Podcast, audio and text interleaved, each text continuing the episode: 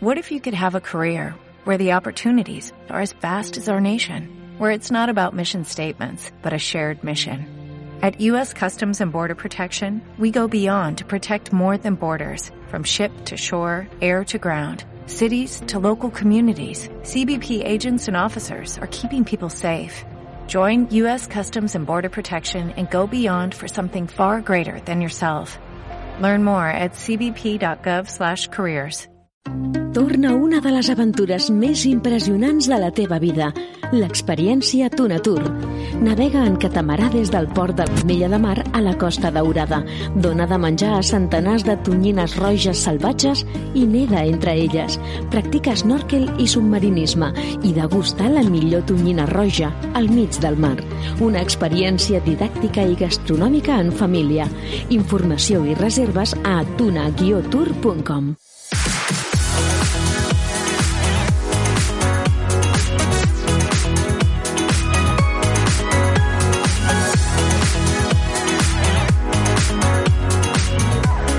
dia Terres de l'Ebre, amb Leonor Bertomeu.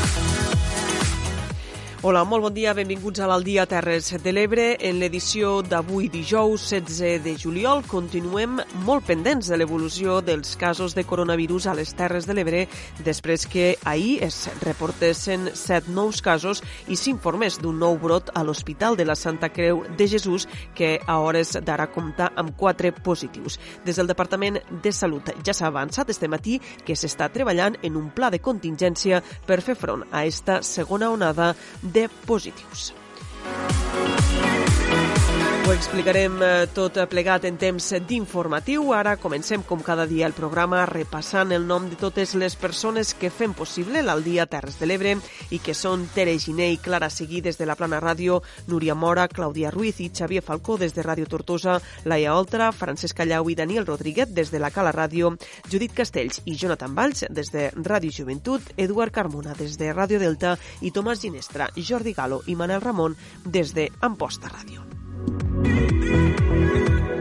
Ara, com cada dia, començarem el programa d'avui amb el repàs als titulars més destacats d'este dijous 16 de juliol.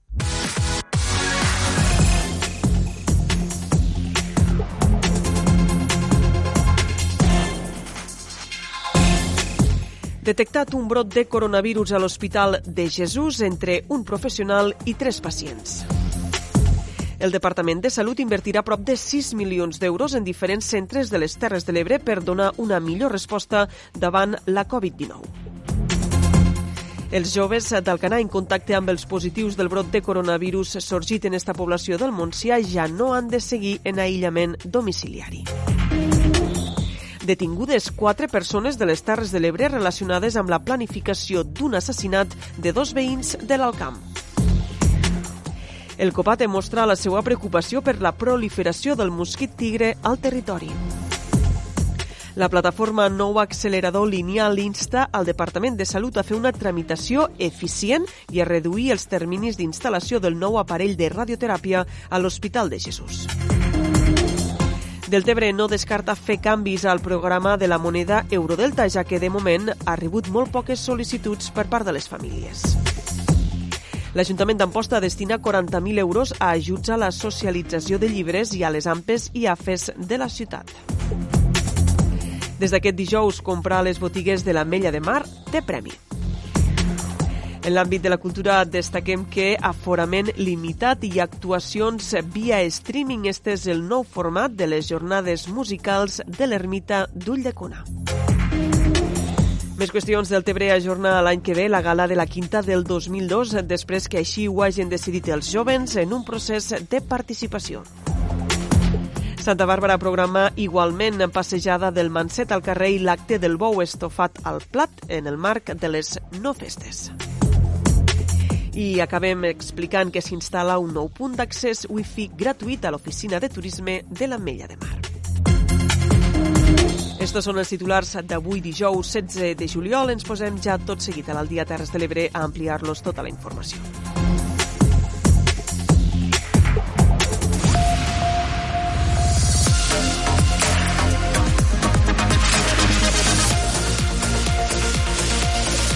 al dia. Les notícies de les Terres de l'Ebre.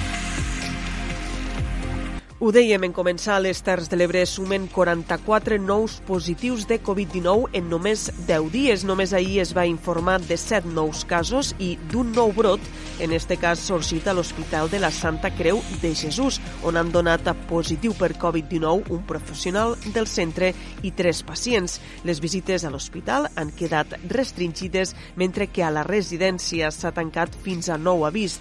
L'augment de casos al territori ha fet que des de Salut s'hagi hagi accelerat el nou pla de contingència que es prepara per a una possible segona onada. Té tota la informació Clàudia Ruiz. Ahir de tarda es donava a conèixer els dos primers casos en aquest centre sociosanitari. Les proves PCR confirmaven el contagi a un professional i una pacient. Més tard també es van donar a conèixer dos nous positius entre pacients, per la qual cosa s'ha declarat ja com a brot. Davant aquesta situació s'han dut a terme proves PCR a 12 pacients de la planta i a 18 professionals més, encara pendents de resultat. El creixement de casos arreu del país ja va fer prendre mesures la setmana passada pel que fa a les visites a les instal·lacions, tant al centre hospitalari com a la residència València es va decidir restringir-les. L'alcaldessa de Tortosa, Meritxell Roger, ja ha anunciat que es tanquen fins a nou avís les visites a la residència.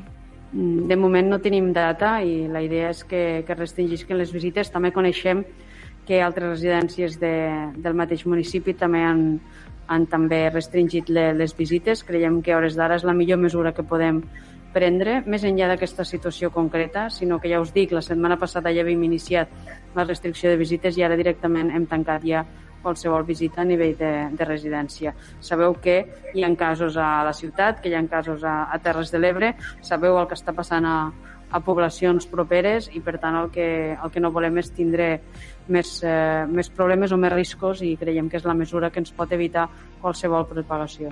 Pel que fa al nombre de casos positius a les Terres de l'Ebre, aquests continuen augmentant. El Departament de Salut de la Generalitat ha comptabilitzat 7 nous positius de coronavirus a les Terres de l'Ebre en el balanç corresponent al dimarts 14 de juliol i que es va fer públic ahir dimecres a migdia. Ara el nombre total de contagiats a les Terres de l'Ebre des de que es va iniciar la pandèmia es situa en 383 persones.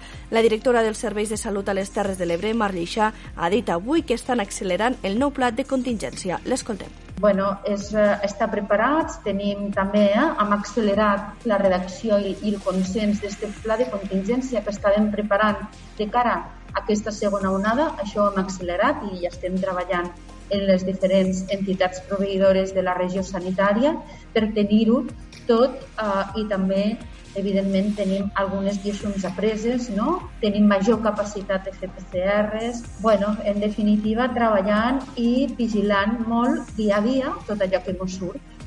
A dia d'avui, segons ha informat Lleixa, hi ha tres persones ingressades a l'Hospital Verge de la Cinta de Tortosa per Covid, més els tres pacients de l'Hospital de Jesús que també han donat positiu. Totes elles per ara amb simptomatologia lleu. Lleixa ha demanat tant a la ciutadania com al món local a complir amb les mesures de seguretat, amb l'ús de mascareta, la neteja de mans i el manteniment de distància. I mentre el número de nous positius va en augment, avui des de la regió sanitària de les Terres de l'Ebre s'ha anunciat que s'invertirà prop de 6 milions d'euros en obres de millora a hospitals, centres d'assistència primària i residències per donar millor resposta davant la pandèmia de la Covid-19. Una de les actuacions més destacades és l'ampliació del servei d'urgències de l'Hospital Verge de la Cinta de Tortosa, una obra llargament reivindicada. Ens ho explica Núria Mora. El centre hospitalari de referència del territori, l'Hospital Verge de la Cinta de Tortosa, rebrà una inversió global de 3,3 milions d'euros per l'ampliació del servei d'urgències i la remodelació de l'àrea d'hospitalització de pacients semicrítics. L'actuació a l'àrea d'urgències es farà en dues fases. La primera, que ha d'estar acabada a finals d'any, suposarà l'ampliació de 300 metres quadrats que permetrà incrementar en 15 el nombre de boxos, set dels quals es destinaran a pacients Covid. També es farà un accés directe des de l'exterior per a aquest tipus de malalts o sospitosos. En finalitzar la segona fase, l'any 2021, els punts d'atenció a urgències passaran de 32 a 48. També comportarà incrementar una sala de triatge d'adults, crear una sala de triatge pediàtric, l'àrea d'observació infantil i la sala d'espera pediàtrica. Maria José Rallo és la directora mèdica de l'Hospital Verge de la Cinta de Tortosa. L'avantatge és que hi haurà accés directe des de l'exterior, perquè si són pacients sospitosos de Covid no tindre que passar per tota urgències i hi haurà dues àrees diferenciades que se podran sectoritzar depenent del número de pacients Covid que necessitéssim. Tots sabem que des de fa temps eh, hi ha una sèrie de, de demandes del servei d'urgències que són evidents, com la separació del servei de pediatria, que ara el teníem eh, inclòs dins el propi servei d'urgències en patologia, pues, més, en les diferents patologies, i també teníem mm, la dèficit de boxos feia que hi haguessin molts de passadissos en camilles i això és el que intentarem i eliminar-les. Pel que fa a l'àrea d'hospitalització del Verge de la Cinta, s'adequarà una unitat convencional situada a la mateixa planta que la unitat de cures intensives per transformar-la en una unitat de semicrítics. En la fase 1 s'incrementarà en 6 habitacions individuals i un cop finalitzada la segona fase l'increment serà de 9 habitacions més. També suposarà la renovació tecnològica de l'equipament actual de l'UCI i l'increment del rati d'infermeria per atendre malalts més complexes. Segons la directora de l'hospital, Maria José Ralló, això permetrà donar millor atenció als pacients, així com treballar amb més seguretat. Ja abans del Covid estàvem pensant en la necessitat de, de fer ingressos més per complexitat i per cures que per especialitats. I en això ha sigut una oportunitat perquè la planta d'especialitat la poguéssim adaptar a aquesta necessitat cada dia més creixent d'ingressar pacients segons la complexitat. Serà una planta que constarà de sis habitacions individuals, que tindrà la possibilitat d'aire en pressió negativa o en sobrepressió, per tant, en, en treballarem en màxima seguretat en quant a les infeccions, en una inclusa on els professionals podran vestir-se i desvestir-se també en tota seguretat. La regió sanitària de les Terres de l'Ebre també preveu invertir mig milió d'euros a l'Hospital Comarcal d'Amposta, on es crearà una àrea d'hospitalització per pacients amb Covid a la quarta planta que actualment està completament buida. Salut també destinarà mig milió d'euros a l'Hospital de la Santa Creu de Jesús per remodelar la quarta planta on s'hi ubicava la unitat d'hemodiàlisi de les Terres de l'Ebre. Aquí també s'hi faran habitacions per aïllament de malalts Covid-19. Així mateix, en breu s'iniciarà la instal·lació de 30 preses d'oxigen a les habitacions de la residència de gent gran a Escoles Velles de Flix.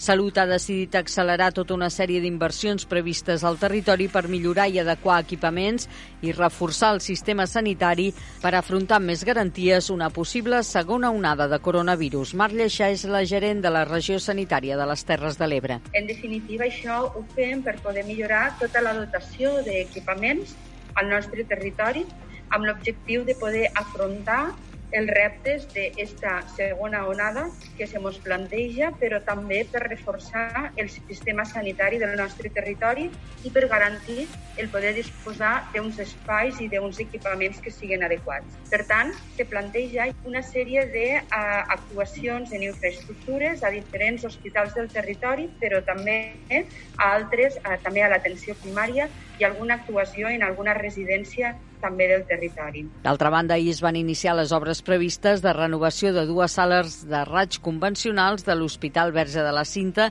que s'han accelerat per l'emergència sanitària. Durant la primera onada de Covid-19 es va dotar de dos nous equips de raig per portàtils, quatre detectors radiològics digitals que han permès digitalitzar dues sales de raig i dos portàtils més ràpids. A més, s'ha dotat de dos nous ecògrafs al Cap Baix Ebre de Tortosa. La inversió prevista amb totes aquestes actuacions a la regió sanitària de les Terres de l'Ebre és de prop de 6 milions d'euros.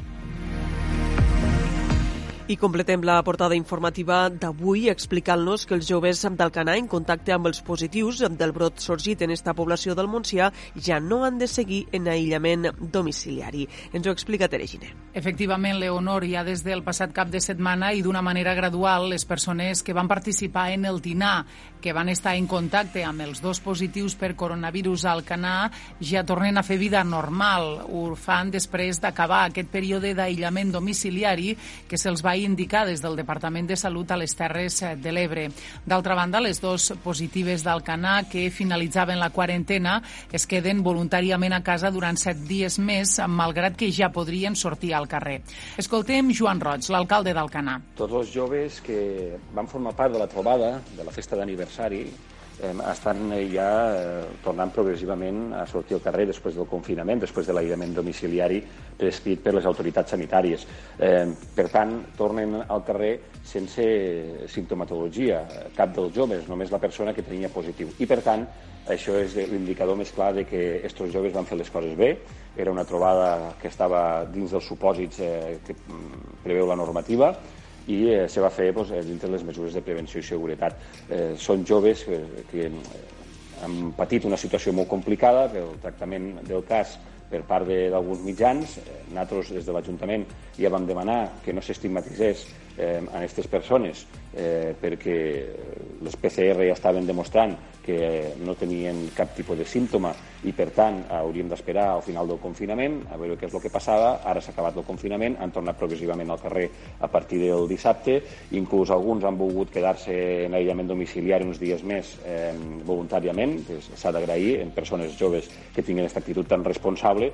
I això és una, una lliçó, eh, és, com a moralina podríem concloure que no hem de jutjar abans de contrastar la informació, que hem de posar les fake news, que hem de posar la informació no veràs en quarantena, tal com han estat els nostres joves, perquè eh, fer cas de la rumorologia, eh, fer cas eh, d'aquella informació que no està contrastada eh, pot ser mal no només a l'economia en un poble, que això és molt important, sinó també a les famílies que estan patint aquesta situació complicada. Recordem que els dos casos d'Alcanar van tenir el seu origen a la ciutat de Barcelona i, de fet, el Departament de Salut comptabilitza com a positiu a Alcanar el noi de Barcelona que va contagiar el primer canareu. En aquest sentit, el Batlle recordava una vegada més la importància de seguir de forma estricta la fórmula que ens protegeix, neteja de mans, distància de seguretat i mascareta.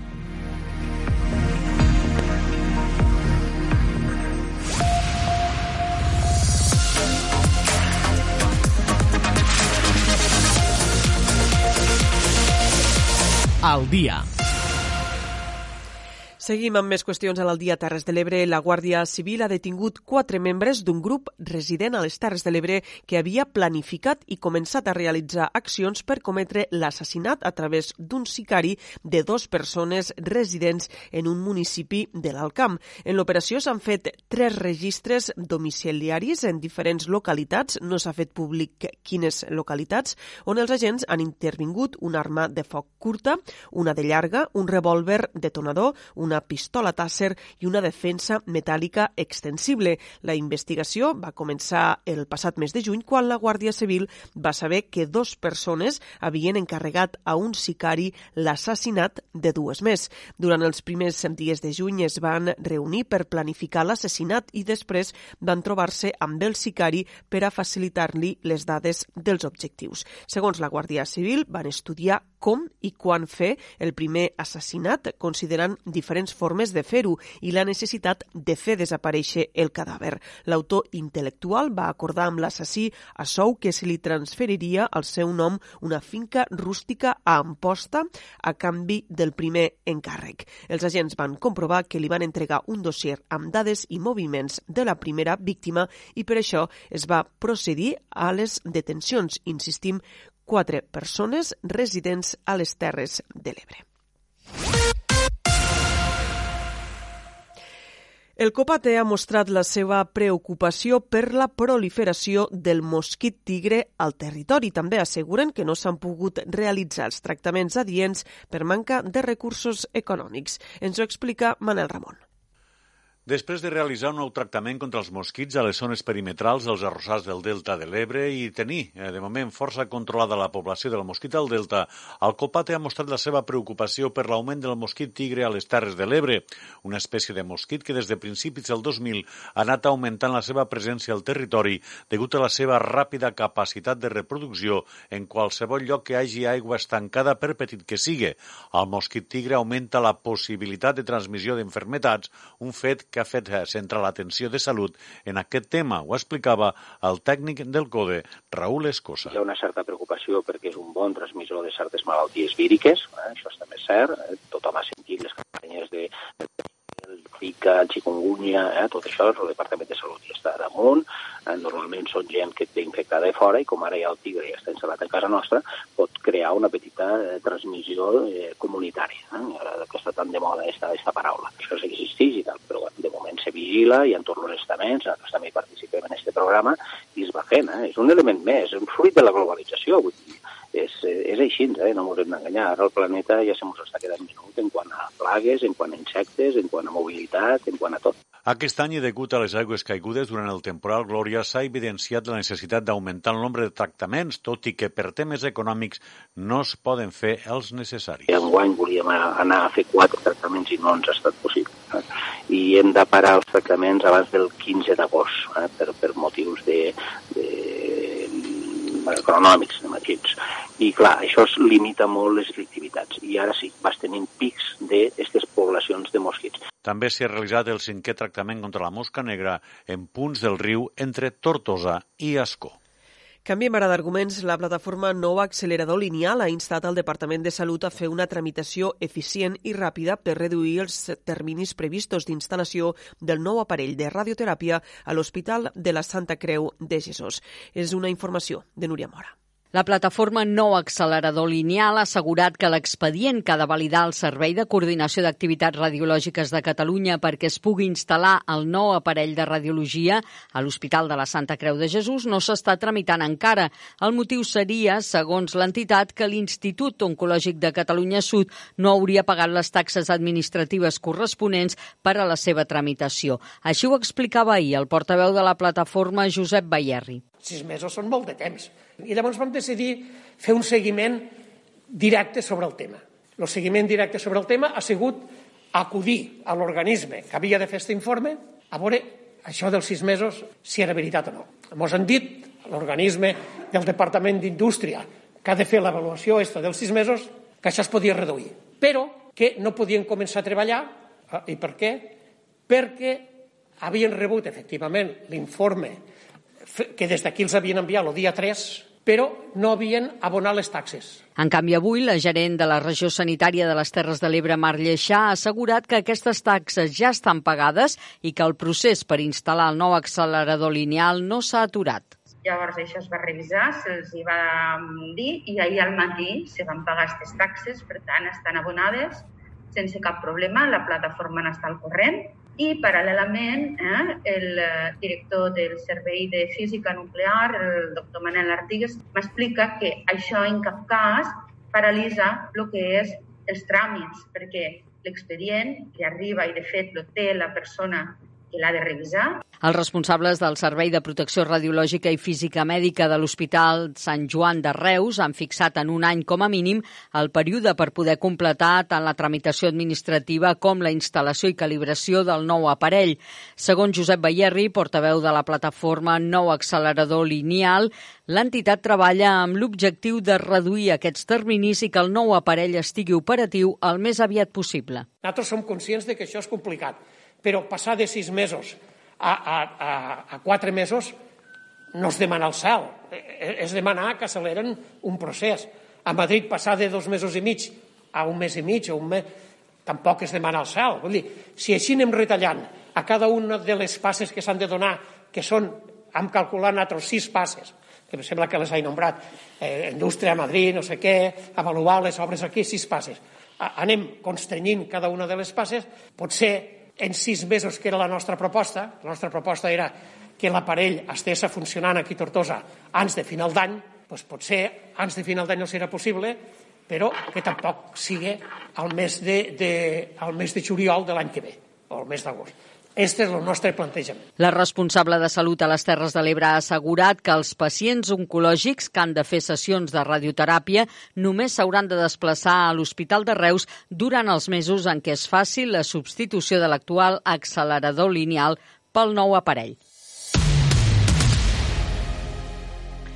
Anem ara fins a Deltebre, ja que l'Ajuntament ha recordat que continua oberta la convocatòria al programa Eurodelta, la moneda de Deltebre. De moment, una seixantena de comerços s'han adherit ja al programa que permetrà als beneficiaris adquirir productes i serveis als comerços del municipi amb eurodeltes, ja que s'ha creat bitllets de 5, 10 i 20 eurodeltes. Amb tot, des de l'Ajuntament de Deltebre lamenten que fins ara han rebut molt poques peticions per a formar part de l'Eurodelta i es recorda que el programa s'ha creat per a ajudar a les persones i famílies que han perdut poder adquisitiu amb la crisi de la Covid-19. De fet, hi poden optar tots aquells que hagin vist disminuir els seus ingressos almenys un 20% amb la crisi del coronavirus, així com treballadors que hagin perdut la faena, patit un ERTE o hagin hagut de tancar el seu negoci. Els ajuts poden anar entre els 60 i els 330 euros trimestrals en funció de cada situació familiar. L'alcalde de Deltebre, Lluís Soler, reconeix que fins ara el programa no ha tingut l'èxit que s'esperava hi ha 60 comerços que s'han adherit. Eh, de moment tenim molt poques sol·licituds. Eh, les sol·licituds eh, anaven lligades a persones i a famílies que hagin vist eh, que, que hagin estat afectats per un ERTO, que hagin tancat el seu negoci o que hagin, en aquest cas, eh, hagin vist pues, un eh, decrement substancial de menys un 20%, de més d'un 20% en el que són els seus ingressos durant tot aquest període d'estat de, d'alarma. I, per tant, la, supòsits eh, s'està explicant a moltíssima gent. Crec que hem informat a més de 100 unitats familiars a hores d'ara, però hi ha molt poques sol·licituds. En cas que en esta primera convocatòria el programa no tingui l'èxit de concurrència esperat, Soler no descarta modificar les bases d'accés als ajuts de la moneda Eurodelta a partir del setembre. En les eh, diferents regidories implicades en l'Eurodelta, estem mirant, quan acabarem el termini de les ajudes al teixit empresarial, veurem quants Eurodelta s'han presentat, si veiem, eh, podrem resoldre els que s'hagin presentat i al mes de setembre valorarem eh, si modifiquem les bases per tal de buscar criteri objectiu que també permeti entrar al públic de serveis socials, tot i que tenen unes altres ajudes per una altra banda, i que per tant hauran de ser complementàries, però no podran, és a dir, no podràs demanar el mateix concepte per dos vies. La moneda Eurodelta és una de les mesures incloses al Pla de Reactivació Econòmica de Deltebre, que contempla 50 accions i un milió d'euros d'inversió. I anem ara fins a Amposta, Anem ara fins a Amposta, que ja que l'Ajuntament ha destinat 40.000 euros a ajuts a la socialització de llibres i a les AMPES i AFES de la ciutat. Estos ajuts es poden sol·licitar fins al 22 de juliol i són per a projectes impulsats per al curs 2019-2020. Té tota la informació Manel Ramon. Doncs, efectivament, la Junta de Govern local de l'Ajuntament d'Amposta va aprovar la convocatòria de dos ajuts destinats al sector d'educació amb una dotació total de 40.000 euros. En concret, la Junta va aprovar la convocatòria de subvencions a centres escolars per a la realització del programa de socialització de llibres, llicències digitals i material informàtic del curs 2019-2020. Aquestes subvencions volen ajudar els centres educatius a millorar, renovar i ampliar els seus equipaments. Així ho explicava la regidora d'Educació de l'Ajuntament d'Amposta, Núria Marco. La Junta de Govern Local vam aprovar les dues línies de subvencions del sector educatiu, eh, dos línies que contenen 20.000 euros cadascuna i que una va destinada a les associacions de mares i pares i de famílies d'alumnes de, dels centres educatius per poder fer eh, realitzar les seues activitats durant tot el curs passat, 2019-2020, i l'altra va destinada als propis centres educatius per a la socialització de llibres, material informàtic i llicències digitals. Aquestes dues línies estan pensades eh, per a poder millorar els diferents projectes educatius que tenen tant associacions com centres i poder millorar també els equipaments. Amb dos ajuts compten amb una reserva de 20.000 euros cadascun i es poden sol·licitar fins al dia 22 d'aquest mes de juliol. I anem ara fins a l'Ametlla de Mar, on la regidoria de Comerç ha iniciat un sorteig on es convida a fer una compra a un dels establiments participants del municipi, fer una fotografia i compartir-la a Instagram. El guanyador del sorteig tindrà 320 euros de premi per a gastar qualsevol de les botigues col·laboradores. És una crònica de Laia Oltra. Els participants poden compartir la fotografia al feed del perfil d'Instagram o bé a les seves històries.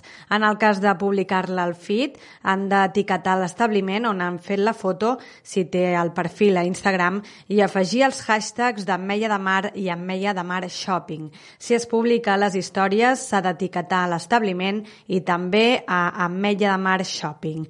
La regidora de Comerç, Maite Boquera, explica que l'objectiu és fomentar el comerç local i alhora promocionar-lo a les xarxes socials. L'objectiu principal és incentivar les compres al nostre comerç local i a la vegada no, promocionar-lo a les xarxes socials, pues, que la gent compri ja, no, al comerç, que hem de fer poble i que això, pues, bueno, que això té premi, no? que li comportarà pues, tenir un premi extra d'un xec de compra de 320 euros que es podrà gastar de les botigues col·laboradores en aquest concurs d'Instagram. En total hi participen una quinzena d'establiments del municipi. Es poden publicar tantes fotografies com es vulgui, però sempre amb una compra diferent. A cada publicació se li adjudicarà un número per ordre cronològic. Aquest número serà el que entrarà en sorteig el pròxim dia 3 d'agost a les 12 al migdia, que serà retransmès en directe des del perfil Ameia de Mar Shopping. La validesa del xec compra és fins al 31 de desembre de 2020 i totes les bases del sorteig es poden consultar a la web de Turisme.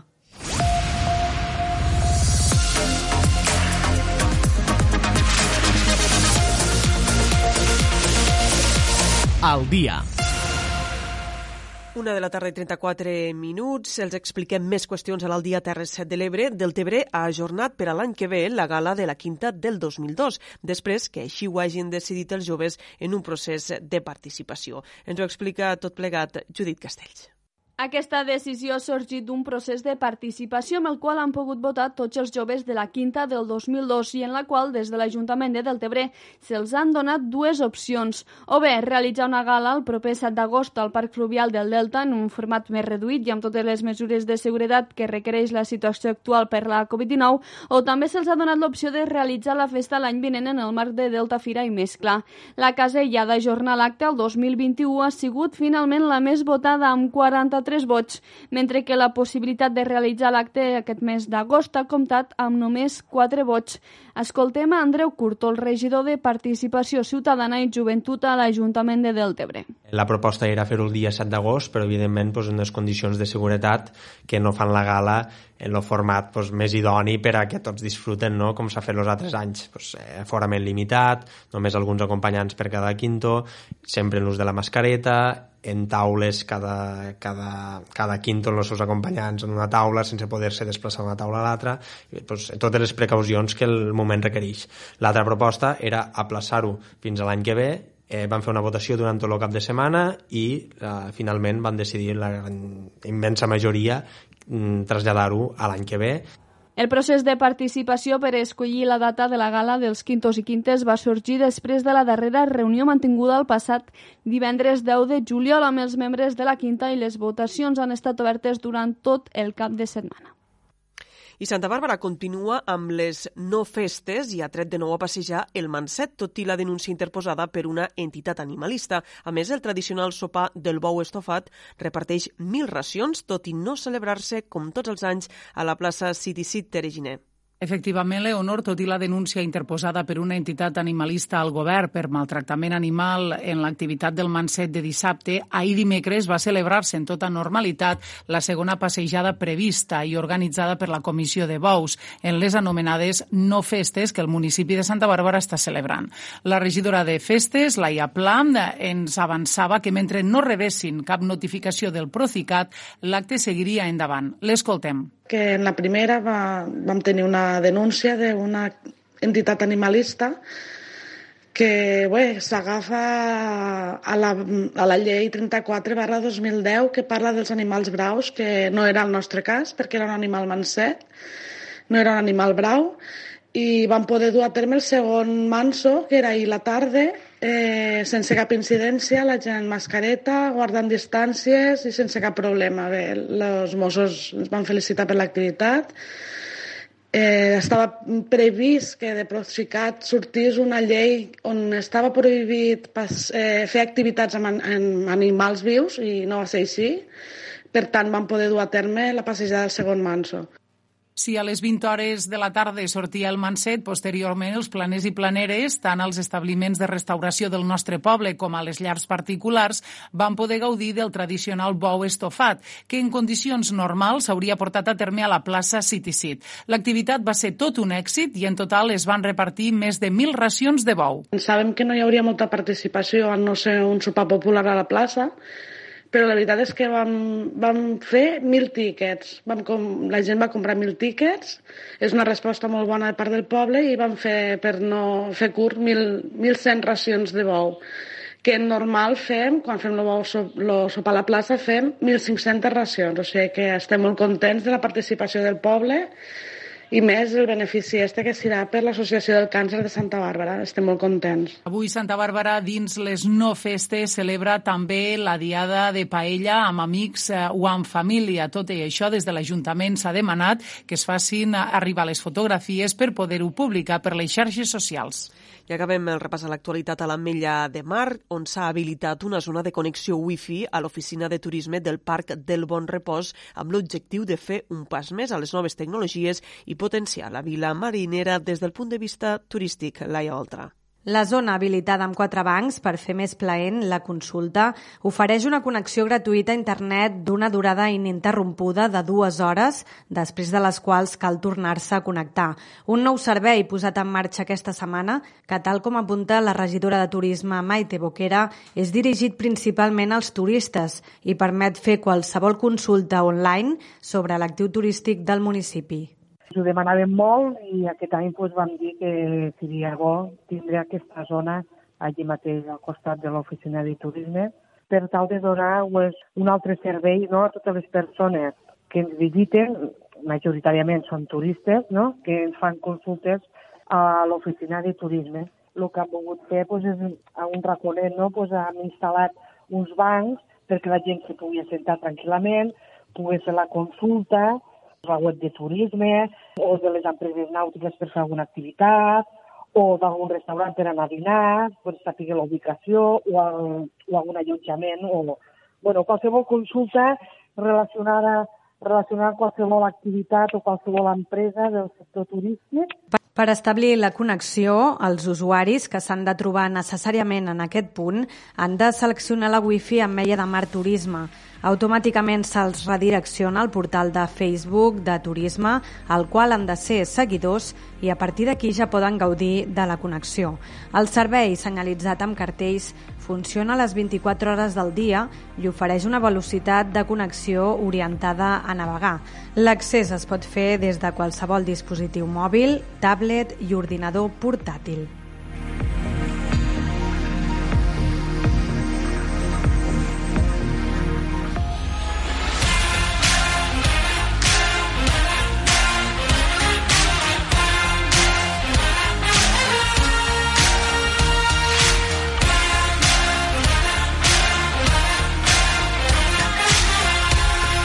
Dia, els esports de les Terres de l'Ebre.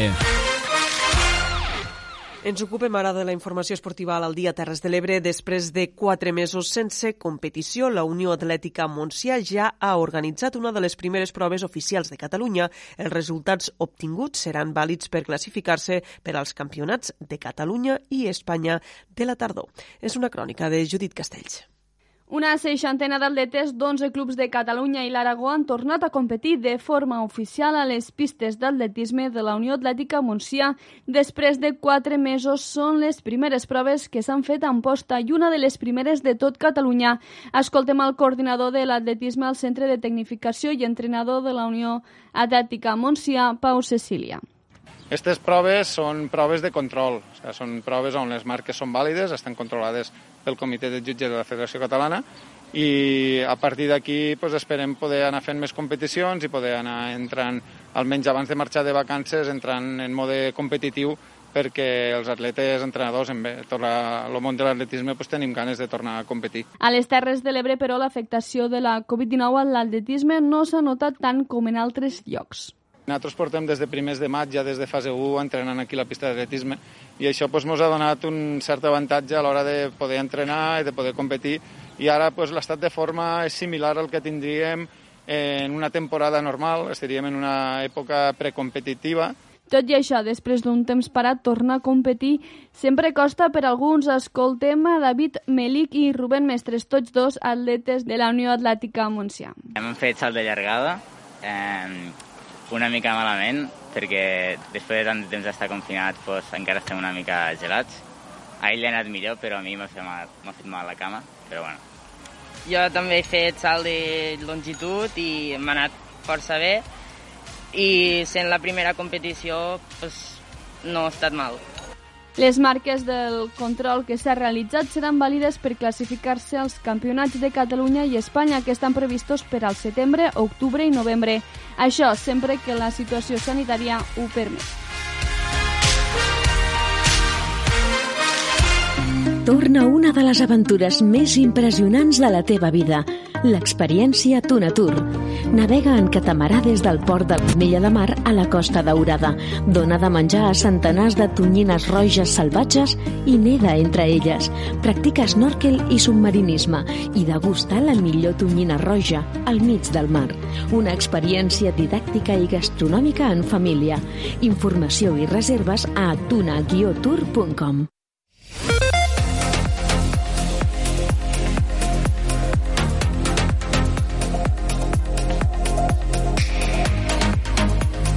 Obrim ara espai per a l'entrevista a l'Aldia Terres de l'Ebre. Les jornades musicals de l'Ermita de la Pietat d'Ulldecona han aconseguit sobreviure a la situació actual de pandèmia i a la llau de cancel·lacions d'esdeveniments culturals i han programat un cicle de tres concerts per a aquest estiu. Això sí, adaptats a les circumstàncies actuals.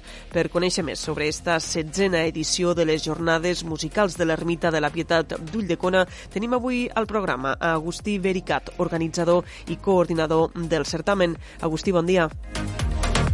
Hola, molt bon dia. Eh, finalment, les jornades musicals de l'Ermita comptaran en guany amb un cicle de tres concerts. Des de l'organització heu preferit fer alguna cosa, encara que siguen restriccions, que saltar-vos l'edició d'enguany. Destaqueu sobretot esta capacitat d'adaptació que heu tingut. Pues sí, la veritat, en, en principi vam cancel·lar-ho tot, perquè la situació actual enmig del confinament pues, no permetia que es realitzés res en garanties, però sempre deixant la porteta oberta a possibles adaptacions del cicle. I, bueno, això és el que, això és el que ha passat i en el moment que ho hem vist clar, tant des de l'Associació de Jornades Musicals com des de l'Ajuntament, pues, hem dit, pues, avant, no? I, i bueno, hem programat aquests tres eh, concerts adaptats a tota la normativa vigent. Us sentíeu en responsabilitat tant amb el públic com el, amb el sector cultural, no molt afectat per, per la crisi sanitària i econòmica del Covid-19? Pues sí, la veritat és que és un sector que sempre és el més maltractat, sempre està més, deixat de, de banda, sempre es veu com algo eh, subsidiari i que no genera un valor eh, afegit i és el contrari per a nosaltres. No? És, la cultura és bàsica, és primordial, és essencial per a la, per a la societat de, del futur, no? per tindre una bona eh, salut sociocultural, econòmica, que es vegi com un agent dinamitzador, no? també. I eh, això requereix d'uns esforços, no? d'uns esforços en què, ten, que tenim que estar tots coordinats i sobretot des de la base també. ¿vale? No esperar que te vinguin i te diguin el que tens que fer, sinó buscar el teu propi camí, adaptar-te i sobreviure. Agustí, explica'ns com us heu adaptat, com seran estos concerts en guany a l'Ermita de la Pietat d'Ulldecona per adaptar-vos a esta nova situació i poder realitzar estos tres concerts que teniu previstos. Bé, primer que res el que hem tingut que fer és eh, reduir l'aforament a un terç i dividir-ho en sigui, uns passadissos de, de, de circulació centrals i eh, dividir-ho per packs. Nosaltres ho hem batejat com a packs de proximitat, no? que són uh -huh. diferents eh, grups de persones que formen part del mateix entorn familiar d'amistats, que compren els packs i poden seure junts. Vale? Eh, això és, fa que el, que el concert sigui una mica més còmode, que no sigui tan gelat, no com ficar una cadira separada d'un metro cinquanta en dos cinquanta metres quadrats d'espai de, de, vital per a cada, eh, oient perquè això fa que se perga no? part de la comunicació, part del, del, del fet eh, primordial de la música en directe, que és viure-la. Sí, vale, a nivell individual, però sobretot a l'ermita la, la gent que veu sap, no? també a nivell col·lectiu ser algo molt xulo, molt guapo, no? i, i viure-ho d'esta manera, que eh, ja, ja ho dic, no és una cosa que, que haguem inventat nosaltres, sinó que hem agafat també com a model certs eh, festivals que s'estan realitzant, grans, com l'Ítaca, com la Primavera Fauna al Fòrum, com les nits de Montjuïc, etc. I, bueno, ho han posat a, a, a l'ermita. La gent que estar asseguda, té que portar mascareta, excepte quan estigui bevent i menjant, claro, si no una mica fotut. Eh, tenim servei de, de cambrers a, a les taules La novetat és que la gent se pot aixecar a ballar sense moure's del puesto, o sigui que vale, no pots anar corrent de, eh, com un logo de, de, de punta a punta de la plaça, però sí que et podràs aixecar quan hi ha un moment allò de, de, de, de flow col·lectiu, pues, que la gent ho pugui expressar en el seu cos eh, movent-se. De quin aforament estaríem parlant? Eh, comentaves que ho heu reduït a un terç. Sí. Això què significa? Quantes entrades posareu a la venda? 165. No, d'entrades a la venda n'hi ha 150. Uh -huh l'aforo és en 65, tenim que contar-ho tot. I la novetat és que, per exemple, abans els eh, xiquets menys de 12 tenien entrada gratuïta total, sí que hi havia alguns que estaven alguns arrasats que estaven fora jugant i tot això. Però això eh, ara és mm, totalment impossible. Per tant, ens encanta tindre xiquets per allà, però eh, tenim que restringir, o sigui, els xiquets tenen que estar, els pares tenen que ser els seus responsables, tenen que estar asseguts i si venen, doncs clar, ocupen una plaça i tindrem que, tenen que pagar. L'entrada també és una mica més cara perquè les despeses d'un concert així, si estem a un terç de l'aforament, doncs, tenim que triplicar el preu de, de l'entrada. Cosa que no ha sigut problema per a, per a la gent que, que ha començat a comprar les entrades, com hem dit. A més, s'ha d'accedir amb l'entrada anticipada. Eh? Abans veníeu entrades a taquilla, ara s'haurà d'anar amb entrada anticipada i crec que ja les heu posat a la venda a través d'internet. Sí, mira, just ahir les vam acabar. O sigui, ja estan totes 24 acabades? hores de rellotge, han durat 24 hores de rellotge, les entrades. Cosa que ens ha sorprès molt i esperàvem acabar-les, no? perquè tenim ja una base de, de, de públic, una gent totalment conscienciada en tot això, no? A part d'amants de la música, gent que, si vol, que quan tenen que donar suport a, a, a lo que sigui. I nosaltres eh, som com una espècie de plataforma no? de, de, de gent en sensibilitat eh, cultural. I la sorpresa va ser ahir que vas a mirar el panell de control i posava sold out a tots els packs. Potser alliberarem 4 o 5 entrades dels A3, eh, que suposo que algunes sobraran d'alguns compromisos o de, o de llistes d'alguna llista de, de convidats de, de, de la banda, que això ho tenim que esperar uns dies, però sí, entrades esgotades. Almenys per a a concert. Les altres encara no han sortit ni a la venda, clar. Ah, estem parlant que, anava a dir, ens hem quedat ja sense oportunitat de, de poder anar a les jornades musicals. Estem parlant que s'han esgotat les entrades d'este primer concert que fareu el sí. 27 de juliol. 26. 26, perdó. Sí, eh, sí, sí, sí. D'altra banda, Agustí, també do, no, oferiu la possibilitat de seguir-los en streaming a través d'internet, els concerts. Sí. Sí, això és una novetat que, bueno, ha vingut per quedar-se en el món musical. Molta gent pensa, oh, quina novetat, no, fer les coses en streaming. Uah, el futbol fa anys que es mira en streaming, no?, en live stream, que sí que es mira en directe.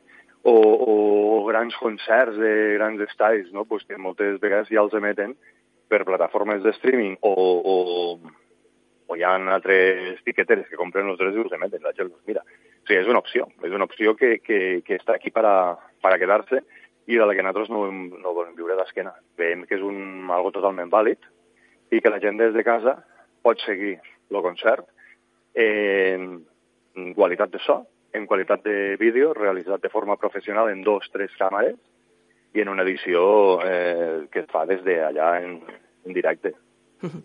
Parlem ara, si et sembla, Agustí, de la proposta musical per enguany. Si et sembla, escoltem ara un, un petit tastet de, del primer convidat, eh, que serà el diumenge 26 o 27, ara m'estic liant, confirma, 26, 26 de juliol, eh, d'este primer concert, el 26 de juliol, de Dani Nelo i el sextet de los saxofonistas salvajes. Si et sembla, eh, Agustí, escoltem ara un, un moment, eh, este, Vinga, va. la proposta musical Sí, sí, sí, de, los, de Dani Nelo sembla que tenim problemes per, per escoltar el vídeo. Bueno, en tot cas, com que no ho podem escoltar, explica'ns quina és esta oferta d'este primer concert que podrem veure a l'Ermita de la Pietat d'Ulldecona.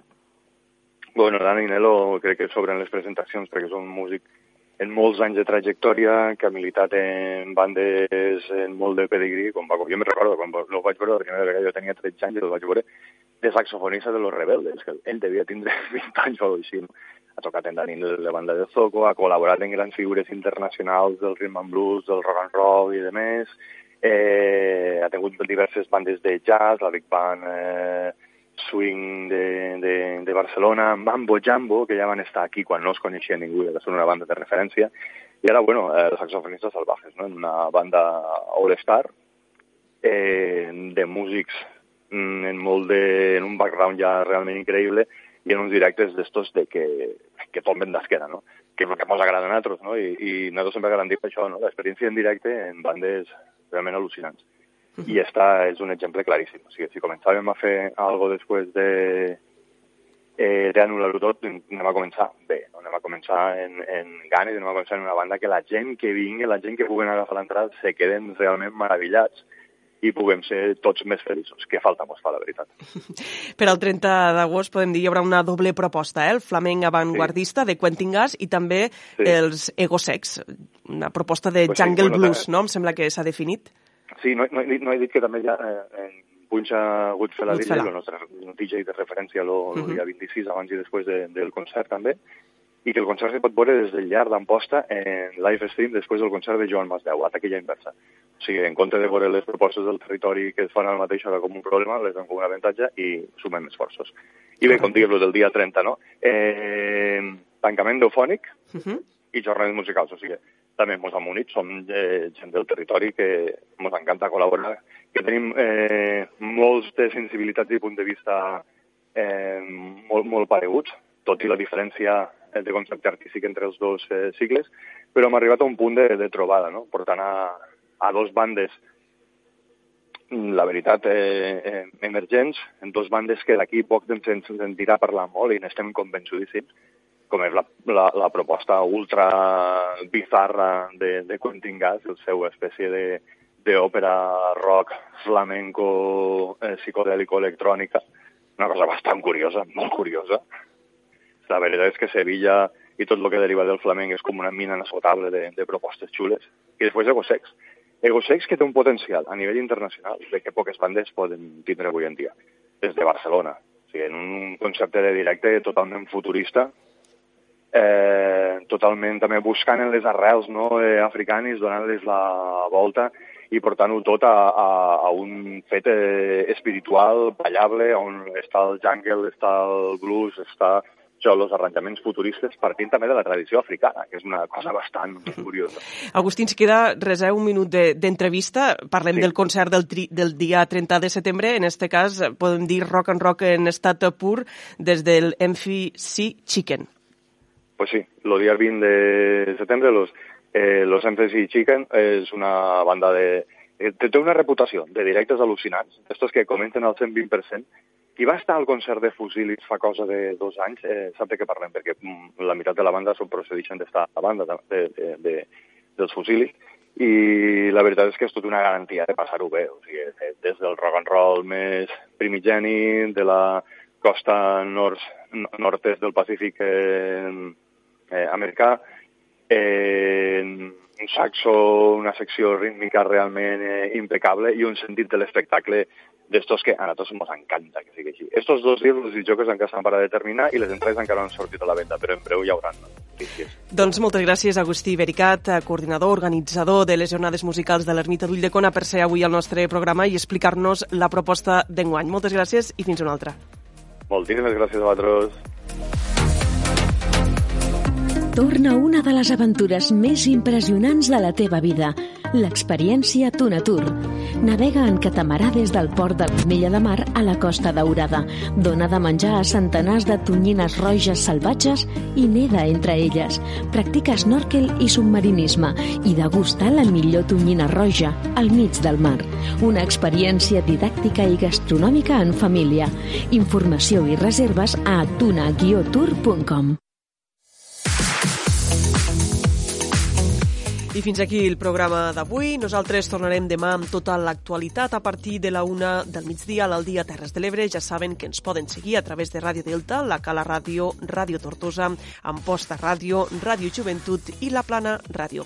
Fins demà, que acaben de passar un molt bon dia.